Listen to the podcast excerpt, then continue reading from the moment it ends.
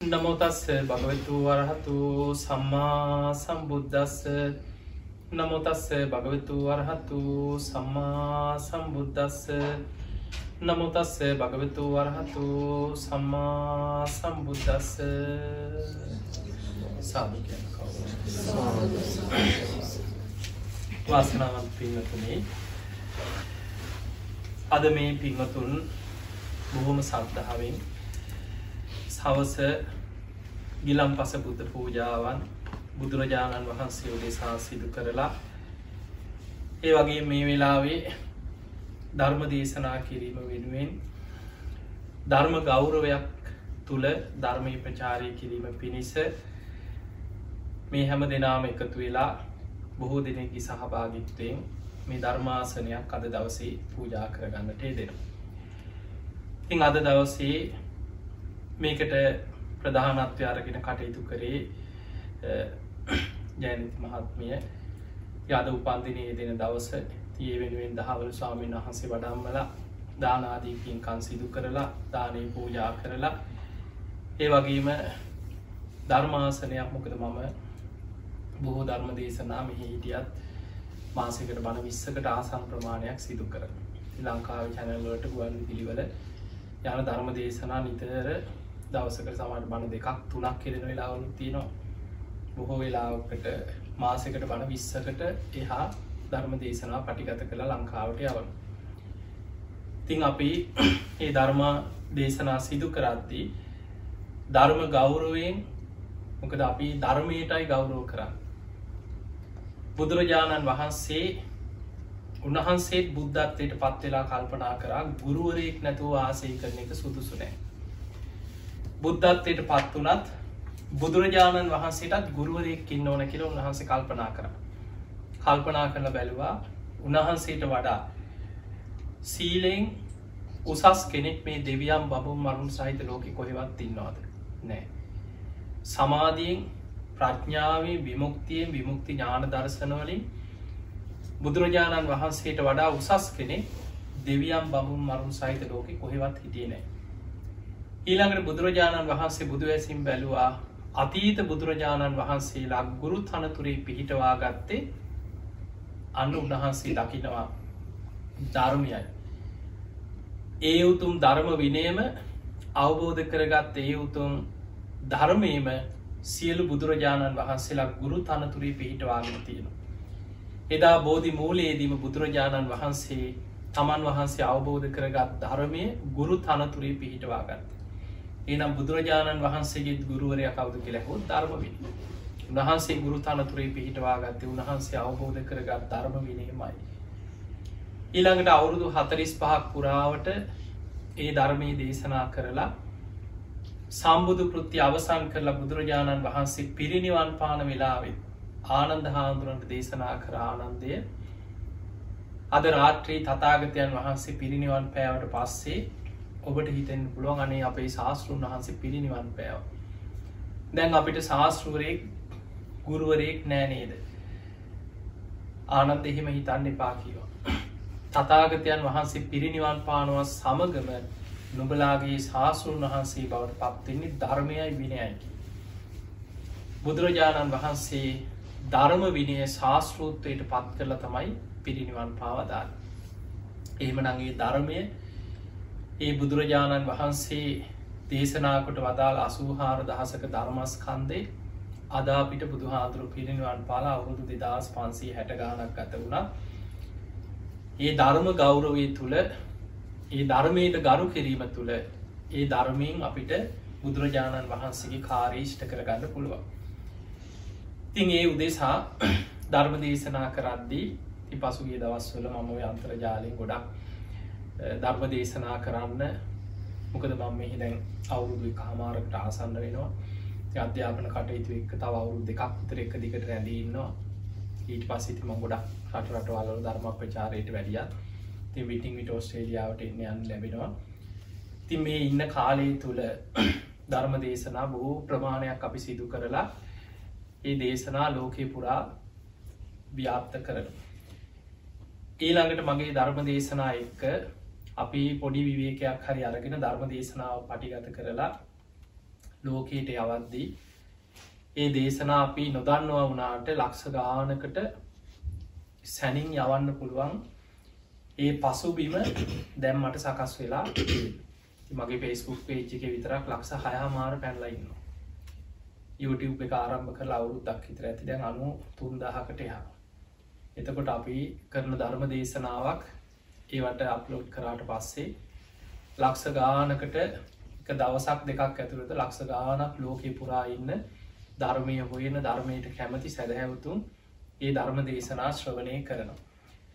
තිං අද තාක්ෂණයත් එක්ක අපි කොහේ හිටියත් කාම්බරයක් අස්සේ හිටියත් අපිට පුළුවන්කම ලැබිලා තියෙනවා කම්පියුටරයකින් මේ පෝර්න් එකකින් ධර්ම දේශනාව පටිගත කරලා ලෝකෙ ලක්ෂ ගානකට ඒ ධර්මය ව්‍යාප්ත කරන්න පුළුවන්කම ලැබිලා තියෙනවාද තාක්ෂණයත් එක්ක? තින් ඒ ධර්මය දේශනා කරද්දි ධර්මය ව්‍යාප්ත කරද්දී අපිට බොහෝම ගෞරවේ ධර්මයට ගෞරවයක් ඇති වෙන විදිහට තින් අපි දන්නවා මේ රටේ ඉතින් ධර්මාසන වගේ අපිට මේ රටේ ලේසින් පැරන්නත් නෑ ලංකාය වනත් වෙනම විශේෂයෙන් හදවන්න ටෝඩ් ති නමුත් අපිට ගැලපෙන කොහොමද කියලෙතින් අපි කාලයක් තිසි පහුගේ දවස්සල ඉතින් ඔය අන්තර්ජාලයෙන් හොයි අතර තුළ තමයි. ති මේ ධර්මාසනය ජයනති මහත්මයම තමයි හොයාගෙන තිබුණේ. ති මට පෙන්නවා. ති මම අපි කීප සැරයක් බලන්නත් ගියා. ඒ අතරේ කෝ මහරි ජයනති මහත්තය මට කීව මේ මේ ධර්මාසනය නම් අරගෙන පූජ කරන්න. ඒනෝන මහත්මි බොහම කැමැත්තින් සද්ධාවෙන් ඉන්න පිරිස එකතු වෙලා කියලා. තියට ඒකත් එක කොහොම හරි අවස්ථාව සැලසුනා ති මේ හැමෝම එකතු වෙලා ඒ කල්්‍යයාන මිට පිරිස පිනට එකතු වෙන සැදහැවතුන් එකතු කරගෙන මේ ධර්මාසනය අද පූජා කරගන්න මේ පිංහතුන්ට වාසනාව ලැබුණ. පිංහතුනේ ඔබ දන්නවා දුටු ගැමු රජ්ජුරුව බොහෝ පින්කම් කරපු කෙනෙ දුටු ගැමු රජ්ජුරුව කියලා කියන්නේ ඒකා සංකේය කල්ප ලක්ෂයක්. පාරමී පුරාගෙන ඇවිල්ලා පාරමී සම්පූර්ණ කරලා තව චුට්ටයි සම්පූර්ණ කරගන්න තිබුණ.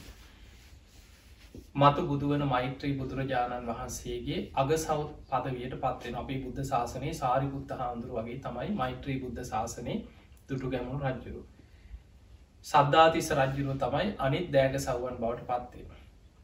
මේ දොඩුගැම රජ්ජුරුව ලංකාවේ රට එක්සේ සත් කරලා බොහෝ වෙහෙර විහාර හදලා මහා පින්කං කරා.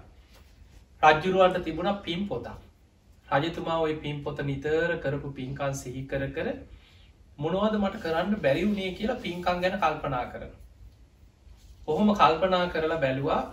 තමන්ට මතක්කෙන අහලා තියෙන හැම පින්කමක්ම කරලා තිය විහෙර විහාර කෙරෙව්වා. මහා සෑයිවල් හැදවා. ඒ වගේම ලෝවා මහපාය උපෝසතාගාරයක් නව මහල් ප්‍රාසාධයක් හදල පූජ කර. සංඝයාට දම් පැක් පින්කං කරනවා. ශාසනය වෙනුවෙන් බුදුගෙවල් බෝධි ප්‍රාකාර මහා පින්කං කරා. රජතුමාට හිතුනා බුදුරජාණන් වහන්සේ දේශනා කළ තිනවා සබ්බදානන් දම්මදානන් ජිනාති. සියලු දානයන් අතර අග්‍රමදානය තමයි ධර්මදානය. ඒ නිසා ධර්මදානය මං කරවනවා. මටත් පුළුවන්නම් බණටිකක් කියන්න. රජ්ජුරුත් ලෑස්ති වුණා ස්වාමීන් වහන්සේලාගෙනුත් ඇහවා කිව්වා ඒකට කමක් නෑ රජතුමනික රජතුමා ධර්ම ගෞරුවෙන් හජ්ජුරුව ඒ ධර්මය ගෙනගෙන ධර්මයට හානියක් නොවෙන විදිහට ගිහි දේශකව ඉන්න ඕන තර බුදුරජාණන් වහන්සේගේ කාලෙ චිත්ත ගෘහපති කියන හොඳට ධර්ම කතික ගිහි දේශකේ හත්තාලෝක පුත්ත සිටුතුමා ගම් නියම් ගම්වල දහම් දෙසමින්ගේ ගිහි දේශකය ධර්මය අවබෝධ කරගත්ත ගිහි ශ්‍රාවක බුදුහාන්දුරයි කාලි ධර්මය කියලදීපයි හිටිය. ඔබ හලඇති කුජ්ජුත්තරක් සාමාවති ඇතුළු පන්සීයකට බණ කියලා ඒ අයත් අනාගාමියුණේ කුජ්ජුත්තරාවගේ බණහල. දුටුගැමු රජ්ජුරුවෝ මහා මංගල සූත්‍රයෙන් කටපාඩක් කරගත්තා. දැම් පිරිතුත් කියනවා කටපාඩ. මේක හොඳට පුහුණු වුණා. දැන් බණ කියන්න ආසාාව පුහුණු වෙලා දොඩුගම රජ්ජුරු මොකද කරේ ඒ වෙනකොට ජේතවන්න චෛත්‍ය පිහිටියේ මළුවේ සංඝයාත් රැස් කරලා ස්වාමීන් වහන්සේලාත් ඉති රජ්ජුරුව මේට උදව් පිණිස උපකාර පිණිස ස්වාමීන් වහන්සේලාත් පැමිණිය. තින් හට වැසියෝ රජ්ජුරුවන්ගේ ආරාධනෙන් ඇවිල්ල ඉතින් ධර්මාසනයකුත් තියලා ස්වාමීන් වහන්සේලටත් ගෞරෝ දක්කොල රජ්ජුරුව වන්දනා කළ ස්වාමීනි මට අවසරයි කියලා. රජ්ජුරුව ඉති කාට බයවෙන්නද රජානනේ ධර්මාසනය වාඩි වුණා. වාඩි වුණා විතර රජ්ජුරෝ වෙවුලනවා. අර කටපාඩං කරගත්ත මහාමංගල සූටෙත් මතකන දැන් ගාථාවක්කත් මතකන හජරුවට බණ කියාගන්න බැරැඟ පුරාම දාඩිය දැම්ම වෙවුලුව. බණ කියාගන්න බැරි වුණා. ඒ වෙලාවේ අර සෙනග ඉදිරි නිරුක්තරව හිටියා. ඉඳලා ඉවර වෙලා ධර්මාසනින් බැහැලා ධර්මාසනයටත් වන්දනා කරලා ස්වාමීන් වහන්සේලට වන්දනා කළ කියෙන ස්වාමීනී මේ බුදුරජාණන් වහන්සේගේ ධර්මය මහා පරම ගහාම්බීර දෙයක්. මම මේ රටේ රජ්ජුරු. නමුත් මම කොච්චර සූදානමින් බණ කියන්න හිතාගෙන අද පුහුණු වෙලා ආසාාවෙන් ආවත් මට මේ ධර්මය කියාගන්න බැරිවුණ ඒ නිසා මේ ධර්මය දේශනා කරනවා කියලා කියන්නේ එසේ මෙසේ දෙයක් නන්නෙමේ ස්වාමීනී අද පටන් මම මේ ලංකාව පුරාම ධර්ම දේශනා කන සීලූම ස්වාමීන් වහන්සේලාට මගේ ගානේ පිරිකර පූජා කිරීම සිදු කරන. උන්වහන්සේලාට ධර්ම දේශනා කරන්න අවශ්‍ය පහසුකම් ඒ ධර්ම දේශනා සංවිධානය කිරීම් රාජ්‍ය අනුග්‍රහය මගේ ගාන සියල්ල සංවිධානය කරවන. ඒ වගේම දුටුගැම් රජ්ජුරුවෝ ධර්මාසන සකස් කරල ධර්මාසන පූජා කරමින් ඒ බණ කියන සාමීන් වහන්සේලාට පිරිකර පවා සියල්ල දුටුගැම් රජ්ජුරුවන්ගේ ගානේ රට පුරාම කොහෙද බනක් කෙරෙන මිනිස්සු ලෑස්ති කර රජ්ජුරුවන්ගේ ගාන වෙනම පිරිකරක් පූජ කරවකි. එතකොට අපිට පේනවා ධර්ම දේශනා කිරීමත් ලේසි දෙයක් නෙමෙයි. ඒ අතර එක ධර්ම ගෞරවයක් එක්ක කළ යුතු ධර්මය පිහිටන්නේ ධර්ම ගෞරවයක් තුළමයි. ඔබහල ඇති කුජ්ජුත්තරා දීන රජ්ජුරුවන්ගේ මාලිගාව හිටිය වැඩකාරී.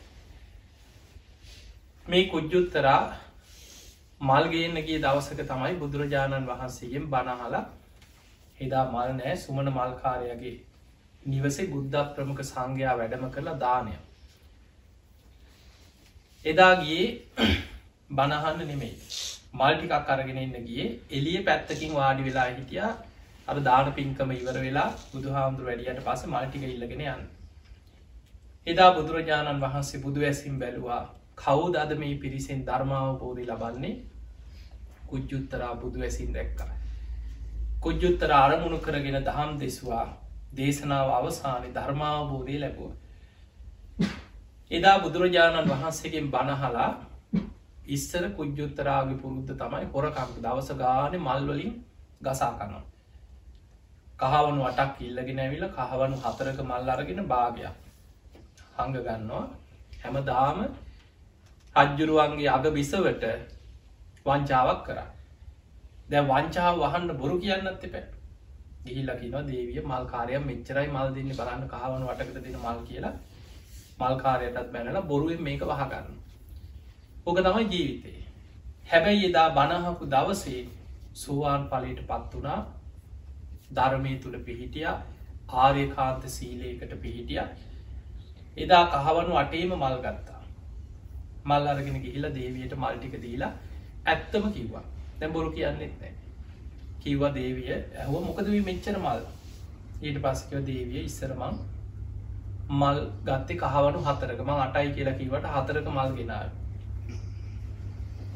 හැබැයි මං ආයි කවදාවත් ඒ වගේ දේවල් කරන්න කිය දැන් මලුත් ගෙනල්ල මං හොරකං කරන්නේ ආයිබොරු කියන්නේ මොකක්ද ඔබේ වෙනස කියලා?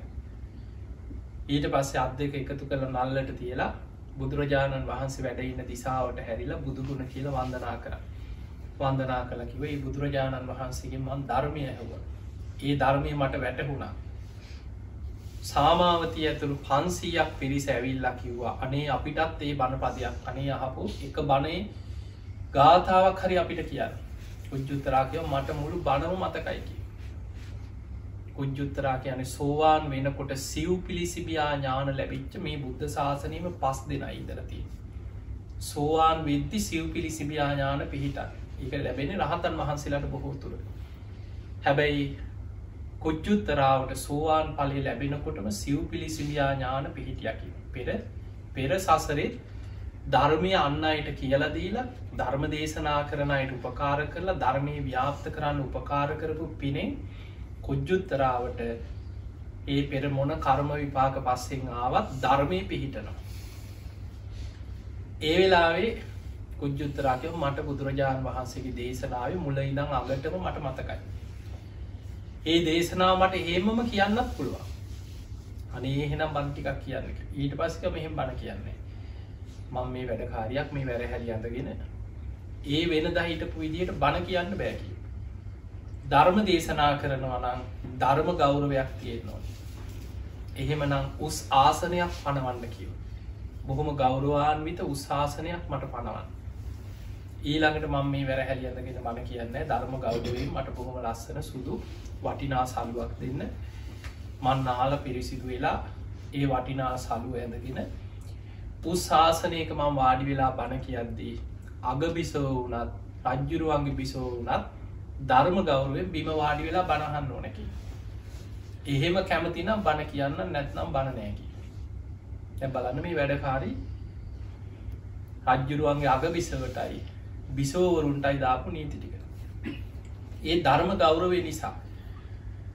හැබැයි සාමාවතී ඇතුළ පිරිසටත් සංසාර පින තියෙනවර සාමාන්‍ය නිකා රාජවස්නෙත්තේ කොළු ඉදිමිලා තිබ්බන වැඩ කාරිටත් පන්න වන්නේ මේ නවමිතන අපිට නීතිදාන්න කියලා වැඩ කාටත් ගහල පන්න හැබැයි සංසාර පින කියන්නේ ඒවෙලේ ඒ අයි හිතුවයි. එනම් මේ මහා උතුම් ධර්මයක්. අපි කවුරුත්තේ ධර්මය වෙනුවෙන් ගෞරව කරමු කියලා සාමාවතී ඇතුළු පිරිස කුජ්ජුත්තරාව සූද පැංවලින් නෑව්වකි. නාවල වටිනාම අලු සලුවක් දුන්න මේ ඇඳගත්. උස් ආසනයක් පනවල ඒ ආසනය මල් ඇතිරුවක් කිය. ඒ මල් අතුරල උත්සාසනයක ඊට පස්සේ අරගෙනපු මල්වලිනු සරසලා කට්ටියම බිම වාඩි වුණා වාඩි වෙලාකි වනේ දැන් අපිට බණපදයක් කියන්නකි. ඊට පස්සේ කුජ්ජුත්තර ආසනය ළඟට ගිහිල්ල බුදුරජාණන් වහන්සේ වැඩ ඉන්න දිසාවට බුදු ගුණ කියල වන්දනා කරලා ආසනී වාඩි වෙලා බණකිව. ඒ බණහල අවසන් වෙලා සාමාවතී කියනවා අද ඉදම්මං කහවනු දාසයක් දෙනවා කියව. කහවනු අටක මල්ගේන්න. ඉතුරු කහවනු අටම ඔබට. ඒ තමයි දවස ගාන බුදුරජාණන් වහන්සේ බණ කියන තැනට ගිහිල්ල බණහන්නෝ. ඒ අහපු බණ ටික මේ විදිහට මතක තියාගෙන ඇවිල්ල හැමදා මාලිගාව යන අපිට බණ කියන්නකි. මොකද රජ්ජුරුවන්ගේ බිසෝවරුට මාලිගාවෙන් එලියට යන්න බෑ. සා අර කුජ්ජුත්තරා වැඩකාරි තමයි බණ ටික අහගෙන ඇවිල්ල පිරිසට බණ කිය. ඒ බණහලා අනාගාමී පලේ දක්වාම ධර්මය අවබෝධ කරගත්තා සාමාවති ඇතුළු පන්සීයක් දෙෙන. එදකොට අපිට පේනවා ධර්ම දේශනා කරද්දී ඒ ධර්ම ගෞරවේ ඊළඟට පින්වතුනි ධර්ම දේශ බුදු හාමුදුරුව ඔය උප සම්පදා භික්ෂූන් වහන්සේලාට පනවපු ශික්ෂාපදවල සේ කියා කියලා ශික්ෂාපද ගොඩක් තියෙන ඒ සේ කියා ශික්ෂාපදවල ශික්ෂාපද ගණනාවක් තියෙනවා. ධර්ම දේශනා කරද්දි පනවපු ශික්ෂාපද. ඒක බුදු හාමුදුරුව පෙන්න්නනවා මහනෙන තමන්ට වඩා උත්සාසනයක වාඩි වෙලා ඉන්න කෙනෙකුට බණ කියන්න එපා.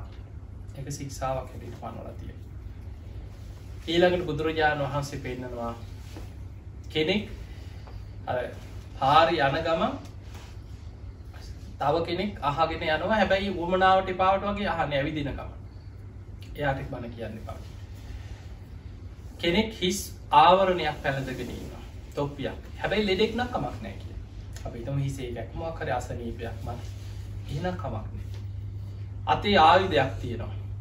ගහයි කියලන්නවේ ධර්ම ගෞරුවේ තියෙනවන. එක පැත්තකින් තියලා සද්ධාවෙන් බණහන්. ආවිදයක් අති තියෙනවන බණ කියන්න පාකිය අතේ පොල්ලක් හරි මොනවාහරිටක් කියන එක පැත්තකින් තියල වාඩලා සද්ධාව බණහන්න කැමතිනම් බණ කියන්න නැතම් බණ කියන්න පාකිය ඔය වගේ සික්ෂාපද රැසක් දේශනා කළ තින ධර්ම දේශනා කරද්දි සේකයා සික්ෂාපද ගොඩක් ඒ හැම දේශනාවකම බලපු හම් පේනවා. හැබැයි ගිලනාට ප්‍රශ්නයක් නැත කියලා. ලෙඩක් නැතුව වෙන හේතුවක් නැස්තුව ධර්ම ගෞරවයකින් තොරව ධර්මය අහන්න සූදානම් වෙනවනම් එයාට ධර්ම දේශනා කරන්න එපාකි. මොකද මේ ධර්මය පිහිටන්නේ ධර්ම ගෞරවයක් එක්කමයි. ඒ නිසාපි ධර්මය ඉගෙන ගනිද්දේ ඒ ධර්ම ගෞරවය කියන අපි දන්න අපි බණ බණ පොතක් කියවත් පොතට වැදල කියවන්න පුරුතුනේ. ඒ සූත්‍රයක් කියවත් බණහල අවසන් වෙනකොට ඒ වැඳල තමයි බණපොත අරගෙන තිබ අපි පිකන් රාක්කෝල කුසියේ තැන් තැන්වල බුද්ධ දේශනා බණපොත් තිබෙනෑ බොහොම ගෞරුවෙන් ඒ බණපොතක් අපි අරගෙන තිබ. එතකොට ඒ වගේ අපි ධර්ම ගෞරවය යම්සේද ඒ ධර්මයට ගෞරව කරන කෙනාට දම්ම කාමෝ භවන් හෝති. දම්ම දෙස්සී පරාභවකින් ධර්මයට ගරු කරන ධර්මයට කැමති ධර්මයට ආස ධර්ම ගෞරවයෙන් යුක්ත කෙනාට ඒ ධර්මය පිහිටනවා ධර්මයට අගෞරව කරන ධර්මය නොසලකා හරින ධර්මය පහත් කොට සලකන කෙනා කොච්චර බණ ඇහුවත් එයා මෙලෝ පරලෝ දෙකෙම පිරිහිලා පිරිහිලා යන. ඒ නිසා අපි කොච්චර බණ ඇහුවත් ඒ අහන ධර්මය අපි තුළට පිහිටන්නේ ධර්ම ගෞරවයත් එක්. තිය නිසා අපි නව කතා කියවනවා පොත් බලනවා වෙන කතන්දර කියවනවා අපි වෙන ස්ටෝරිබුක් කියවන මොනවා කිව්වත් අපිට ධර්මය කියවනකොට ධර්ම ගෞරවය කියන එක තියෙන්න්න ඕන.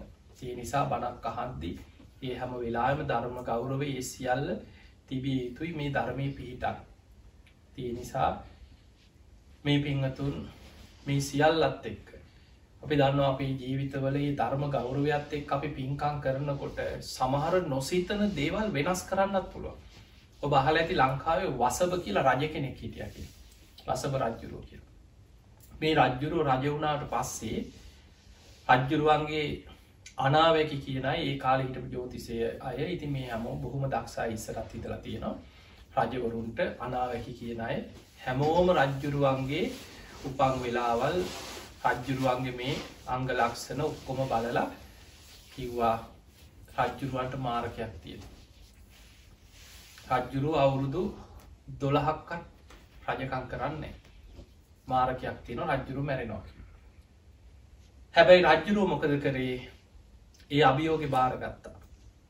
අභියෝග භාරගෙන රජ්ජුරු බොහෝ පින්කං කරන්න පටන්ගත්. දන්සැල් කරුලා මිනිස්සුන්ට දම් පින්කං කරම්.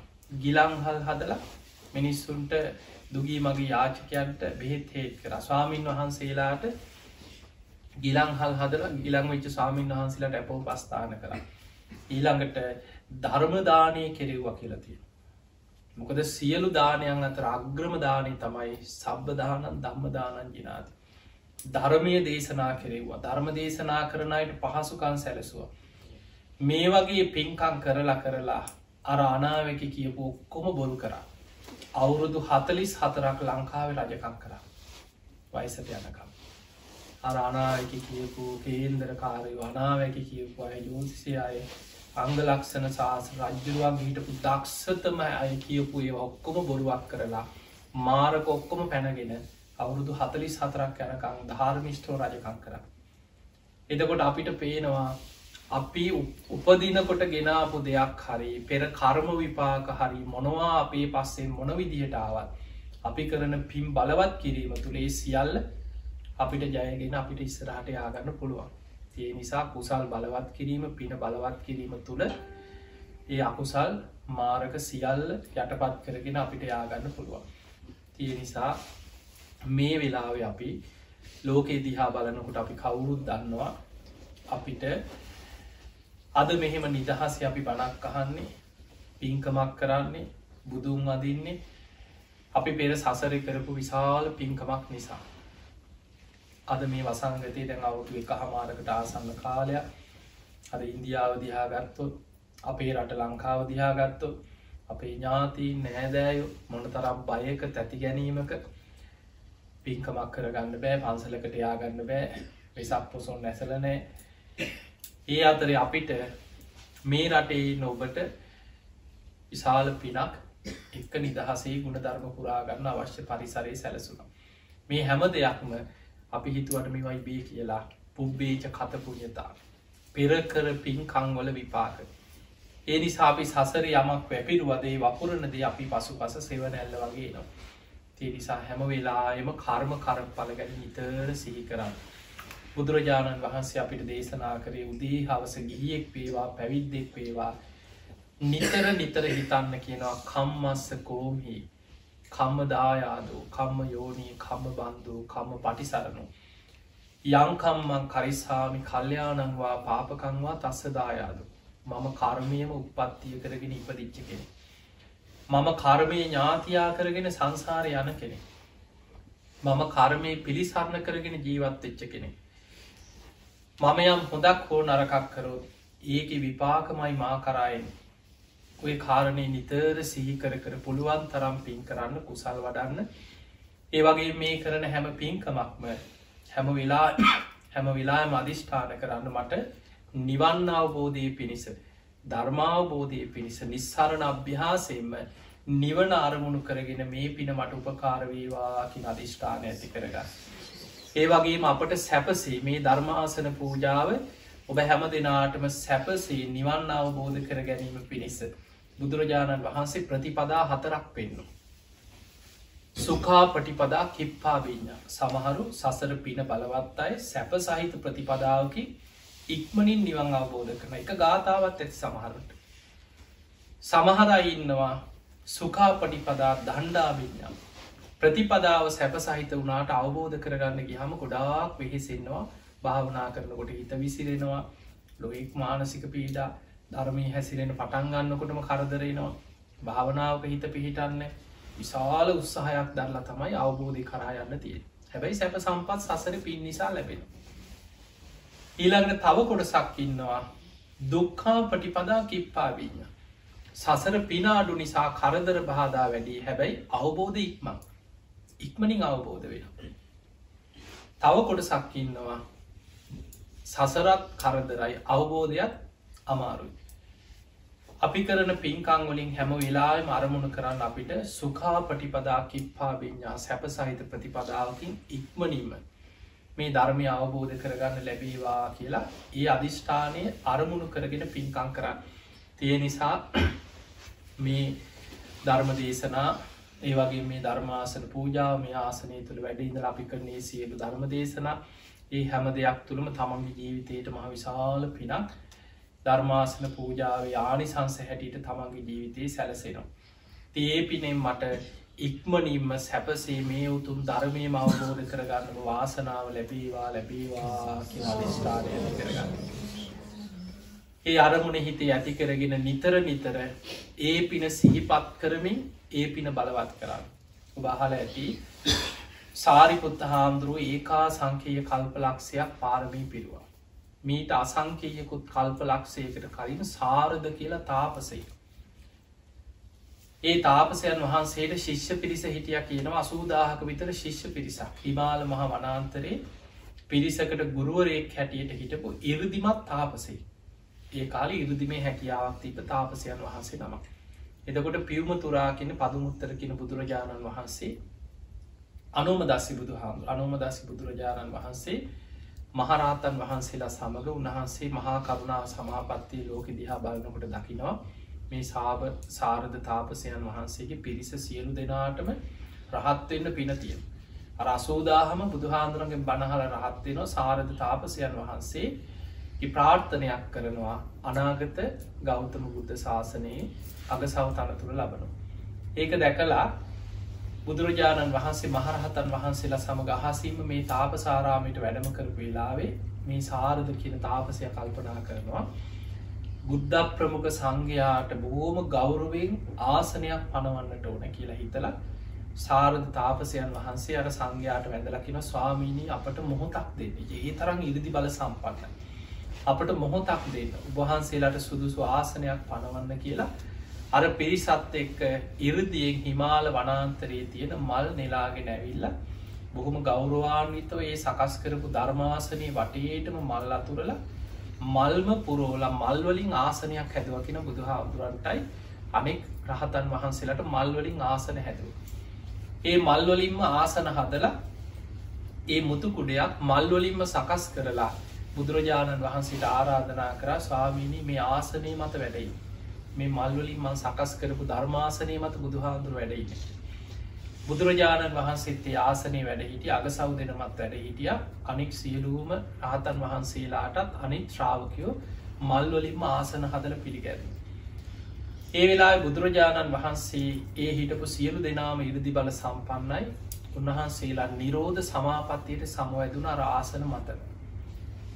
ඒ වෙලාවේ සාරධ තාපසයන් වහන්සේ අර මල්ලොලින් හදපු මුතුකුඩේ අතට අරගෙන කල්පනා කරා මම මගේ ඉරදි බලයෙන් මගේ අධිෂ්ඨානය උන්වහන්සේ මේ සමාපත්තියෙන් නැකිටින්නේ යම් දවසකද එතෙක් මම නොසෙල්වී මේ මුතුකුඩේ දරාගෙන මං ඉන්නවා කියලා. ඒ අධිෂ්ඨානයම මුතුකුඩේ අල්ලගෙන හිටියතිනො දවස් හතන එහෙම ඉඳලා නිරෝධ සමාපත්තිය නැකිටට පස්සේ බුදුරජාණන් වහන්සේ උන්වහන්සේගේ දකුණු පස හිට පග්‍රශ්ාවකයන් වහන්සේට ශ්‍රී හස්තේ දිගු කරලා පිරිසට දහම් දෙසන්න ආරාධනා කර. උන්වහන්සේ දහම් දෙසුවයේ බණහල අවසන් වෙනකොට අර සාරධ තාපසයන් වහන්සේගේ අසූදාහක් පිරිසම ධර්මාවබෝධය ලැබුව. ඒ වෙලාවෙ සාරධ තාපසයන් වහන්සේ කල්පනා කරනවා බුදුහාමුදුරු වැඩයින් නැත්ති. මේ දකුණු පස වැඩහිටපු මේ මහා රහතන් වහන්සේ බුදුහාන්දුරන්ගේ ආරාධනය මේ තරන් ලස්සන්ට දහම් දෙසුව. අනේ මටත් අනාගත බුද්ධ ශාසනයක මේ වගේම බුදු කෙනෙක් කසල ඒ දකුණත් සව් හැටියට මේ විදිහට වැඩ සිටිමින් මටත් ලෝකයට ධර්ම චක්‍රය පවත්වන්න ලැබේවා කියල ප්‍රාර්ථනාවක් කරා. ඒවිලේ තමයි බුදුරජාණන් වහන්සේ විවරණ දෙන්නේ මහනෙන මේ සාරද තව අසංකයකුත් කල්ප ලක්ෂයක් ගිය තැන ගෞතම බුද්ධ ශාසනයේ සාරිපුත්ත නමින් ධර්ම සේනාධිපති බවට පත්වෙනවා. ඒ බුදුරජාණන් වහන්සේගේ ධර්ම චක්‍රයේ විදිහට පවත්වන ශ්‍රාවකයන් වහන්සේලා අතර සාරිපුත්තයන් වහන්සේ අග්‍රයි.